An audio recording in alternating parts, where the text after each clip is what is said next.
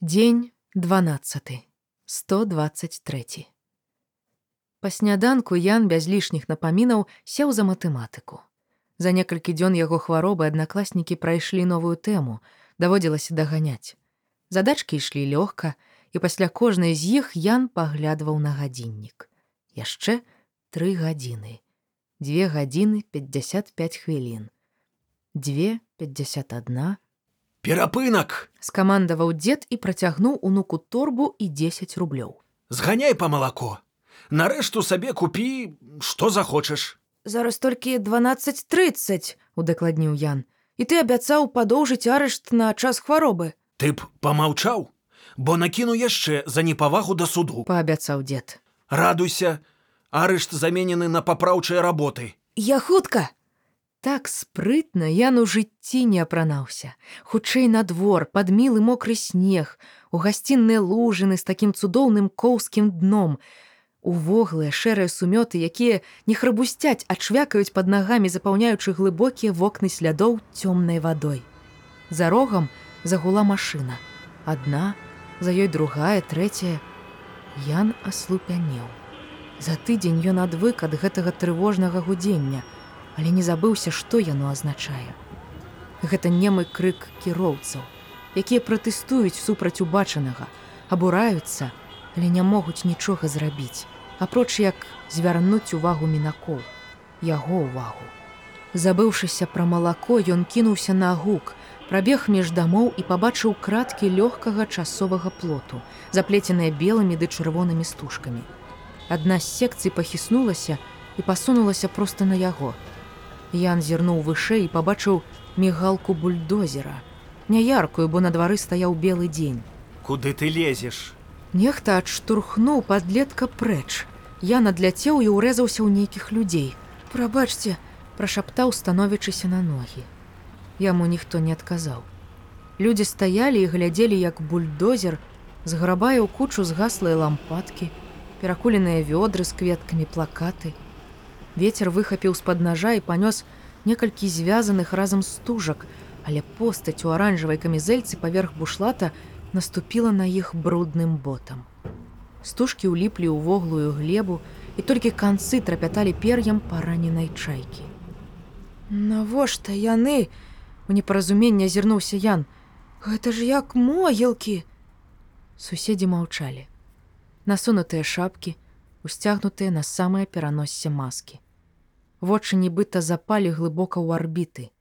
Страшныя вочы, Разыходзімся. сказаў нехта ззаду. У арку бус заязджае. Хадзем суседзе. Кабета сярэдніх гадоў пацягнула яно ў бок кантэйнераў са смеццем. Нічога, яны з'едуць, мы вернемся. Чакайце. Ян нахіліўся, падабраў дзве лампадкі. Свечкі ў іх згарэлі, але слоечкі і накрыўкі ацалелі. Такія ж лампадкі яны з татам запальвалі ў сваім двары побач з надпісам на асфальце. Тады дзьмуў вецер. Запальнічка ўвесь час гасла і толькі калі я набяруч захінуў далонямі свечку, маленькі агеньчык прыняўся на кноце. Лампадка цьмяна засвяціла ў цемры, як маленькае гарачае сэрца. Ён сунуў падабраныя лампадкі ў кішэні курткі. Хадзем, зноў пацягнула яго жанчына. Мне ў краму, праз некалькі крокаў узгадаў хлопец. Вось табе і пайшоў па малако. Тады бяжы суседзе, пабачымся, развіталася яна. Ян адразу знайшоў малочны аддзел. Узяў бутэльку малака і пабег шукаць стэлаж з гаспадарчымі дробязямі. Вось яны, свечкі таблеткі, якія кладуць у лампадку на змену з гарэлым. Цяпер хутчэй у касу, бо народу ў краме багата, а дзед прасіў не затрымлівацца. Яму пашанцавала. Адна з касірак вярнулася з перапынку, і хлопец стаў першым у чарзе. 1050 палічыла касірка. Ян стаў ліхаманкава мацаць па кішэнях у пошуку дробязі, але як на тое, ніводнай капейчыны не знаходзілася. Ён вінавата зазірнуў кабеце ў вочы. Толькі 10 рублёў. Што пакідаеце свечкі ці малако? Абыякавым тонам запыталася ці не на ўсю краму касірка. Забярыце малако, павесіў галаву Ян, і каб апраўдацца перад людзьмі, што чакалі ў чарзе, дадаў: там рома ў куток бульдозерамі паламалі. Свечкі, кветкі, стужкі. Бандарэнка ў мемарыял разбурылі. Усклікнуў высокі хлопец, што стаяў праз аднаго чалавека. Алесь, я пайду свечак куплю. Дзяўчына ў белай курцы і чырвоным шаліку стала прабірацца прэч. І хто тут вылюдкі, скажыце мне. Марыя, ідзіце купіце кветкі, гваздзікі, чатыры белыя і два чырвоныя. Даручыла крыху маладзейшай спадарожніцы пажылая дама ў капелюшы. Вандалы, што яны сабе дазваляюць наш мемарыял. Прыйшлі ў маю хату, ды б'юць майго тату. Патрос кавенькай стары ў бярэце. Хай у сваім двары камандуюць на верашчагіна. Возьмите, дайте чалавеку ягонае малако. Аднекуль у талерачку упала манетка. Ян закруціў галавой, шукаючы, хто яго выручыў, але так і не зразумеў. Дзякуй, суседзе! гучна прамовіў ён і, засаромеўшыся, выбег з крамы, трымаючы ў адной руцэ свечкі, а ў другой малако. Дзед ужо пачаў хвалявацца. Цябе можна па смерць пасылаць. Доўга пражывеш. Што, прысмакі выбіраў. Не, чарга была. Ян паставіў малако на стол, побач паклаў свечкі. Трэба лампадку набыць. Бо так іх ветер у момант патушыць. Заўважыў дзед. Але нашую памяць ветрам не задзьмеш. Не на тых нарваліся. Ты ўжо ведаеш? Адкуль? не паверыў Ян. А во Сямёнаўна прыходзіла за пяць хвілін да цябе. Кажа, фашысты бульдозер прыгналі. Усё пад нож пусцілі. Трэба, кажа Іванович, ісці ўвечары парадкаваць. Я кажу, па тэлевізіі казалі, бандарэнка той наркаман быў, п'яніца і валацуга. Не, кажа, я там у людзей папытала, ён харошы быў. Дзяцей маляваць вучыў.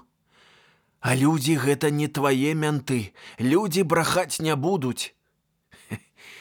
Мае мянты. Ці ты чуў? Ай, мы руки еш ды і пойдзем. Я забраў дзве лампадкі, Ян выцягнуў з кішэні. пакаціліся пад ногі. Нават не буду пытацца, якой дарогай ты ішоў у краму. Мы руки. Пакуль Ян запіхваў у рот макароны, дзед дастаў з антрысолі скрыню. Яшчэ дзве лампадкі, запальнічка, звязка пластыкавых хамутоў, кавалак дроту, скотч далучыліся да янавых свечак. Што ты там на сцяне пісаў? Вось табе плакат, пішы. Толькі без памылак і алоўкам па знакі зрабі, каб з памерам літар не прамахнуцца. У двары стаялі шлемагаловыя. Дзед узяў Яна за руку і спакойна прайшоў паўз іх, як паўз сцяну. За рогам дома стаяла жанчына. Праз пакет прасвечваліся лампадкі. Дзяўчына з хлопцам чынна шпацыравалі ўздоўж прысады, яна трымала перад сабою белыя ды чырвоныя ружы. І каб няцотны лік ружаў, чатыры белыя, дзве чырвоныя, можна было падумаць, што ружы падарыў ёй маладзён і што чакаюць яны сеансу ў кінатэатры. Спадар, вы ішлі ці там яшчэ гэтыя. Дзяўчына зрабіла крок у іхным кірунку. Стаять! кіўнуў дзед. А у вас ці ёсць кастушкі? Ёсць. 5 метраў белы, 10 чырвонай. Ой, наадварот, паправілася дзяўчына. Тут паблізу ідзе будоўля. Дзве секцыі плоту на дзень адстаўляюць у бок. На ноч ставяць на дарогу. Ян, станеш так, каб бачыць вунь той праезд.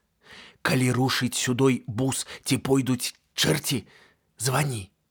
Калі выйдзе з аркі гэтая паненка, пані, як ваше імя? Калі выйдзе ванда, пойдзеш за ёй за сотню метраў. Пакуль яна ідзе, ты ідзеш. Калі пабачыш, што яна завярнула і вяртаецца, што духу бяжыш назад, бо мы пойдзем за табой следам. Займай пазіцыю. Нам на ўсё трэба хвілін 10, не болей. Калі праз чвэрць гадзіны нас не будзе, вяртайся дадому. Вось ключ. Стоячы ў ценю каштана, Ян углядаўся ў цемру, слухаючы вечаровыя гукі, шоргат шын, сабачы брэх, цоканне абцасаў шум ветру. Прываліўшыся да шурпатага камля, Ян стаў адлічваць секунды. Гэта дапамагала не думаць. Праз хвіліну пасля таго, як дзед з атрадам схаваліся з вачэй, заркі выйшла кабета. Але то была не ванда. Пяць хвілін. Падлетак з вялікім шэрым сабакам, крыху старэйшы за Яна стрым галоў выбег заркі, але Ян скеміў, кіраваў прабежкай сабака. Гаспадар цягнуўся ўслед за павадком, не маючы асаблівага выбару. Прабягаючы побач з янам, сабака збочыў спыніўся, тыцнуў носам яну ў сцягно і пабег далей спакойнай рыссю. Падлетак звыкла павалокся ўслед, нават не спрабуючы кіраваць гадаванцам. Сем хвілін. З дальняга праезду выехаў бус. Дужа падобны да тых самых бусаў. Але Даяна не паехаў, знік у іншым баку. Напрыканцы восьмай хвіліны заркі выйшла ванда. Яна ішла хутка, страляючы вачыма па баках, не паварочваючы галавы. Ян стаў адлічваць яе крокі па гуку. Тады па ўзмахах рукі, налічыўшы 70 пайшоў у бок дарожкі. Апошні раз азірнуўся на арку. Нікога. Ён пайшоў услед за вандай. Дзяўчына збочыла за рог дома, суседняга з мемарыялам. Ян міжволі прыспешыў крок. Ён забараніў сабе азірацца на арку, не трэба прыцягваць увагі. Збочыўшы на сцяжынку, пабачыў у ванду. Дзяўчына ўзіралася ў цемру. Ян падышоў бліжэй. Прайдзі наперад. Калі яны з'ехалі, можаш вярнуцца адразу, А калі там, вярніся ззаду гэтага дома, там праход ёсць, загадала дзяўчына. Ян пайшоў сцежкай.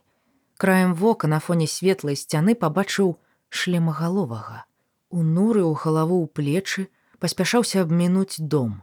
У арцы стаялі яшчэ двое.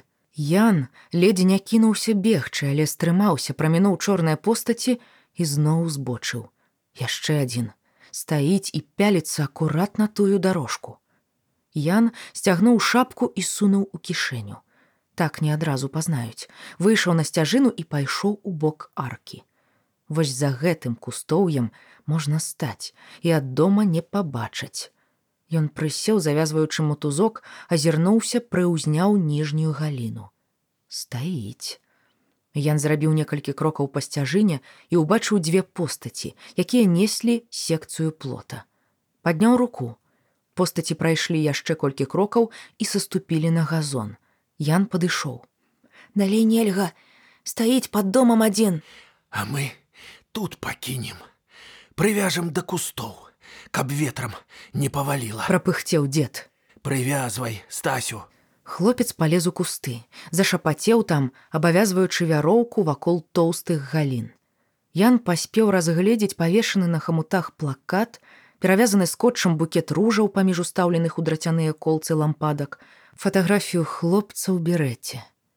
Агеньчыкі цьмяна свяцілі праз чырвонае і жоўтае шкло готова стась вынырнуў з кустоў о як хораша ванда абкруціла галаву шалікам зняла маску і вышмаргнула з курткі паяс ян ледзьве пазнаў яе. Фатаграфуем і зматваемся я скінуў тэлеграм а калі з'едуць нам паведамяць і збяремся ў двары калі гэты стэнд дастаіць перанясем вы ж у нашым чаціку ёсць? Не ян выцягнуў смартфон. Далучыце мяне стась далучы загадала ванда і адышлася каб сфатаграфаваць кыш з кадра! Ідучы дамоў ян працягваў азірацца. Шлемагаловыя змянілі пазіцыі але далёка не адыходзіліся. Ну і хай пільнуюць пусты двор Ён уладкаваўся ў фатэлі паклаў телефон побач. Прахапіўся аб адзінацатай вечара пачуўшы шчаўчок замка. Гэта вярнуўся дзед памыў руки, распрануўся, на дыбачках прайшоў у пакой. Чаму мяне не пабудзіў? дзеля парадку спытаў Ян. Насамрэч яму не асабліва хацелася выбірацца з хаты ў халодную ноч. Спі, без цябе ўправіліся. Свечкі гараць, партрэты вісяць, кветкі стаяць. Фатаграфіі зробленыя, гарбата выпітая, печыва сямёнаўны з'едзеная. Табе прынёс кожнага гатунку на спробу. Заўтра пасмакуеш. Кладзіся, пан партызан.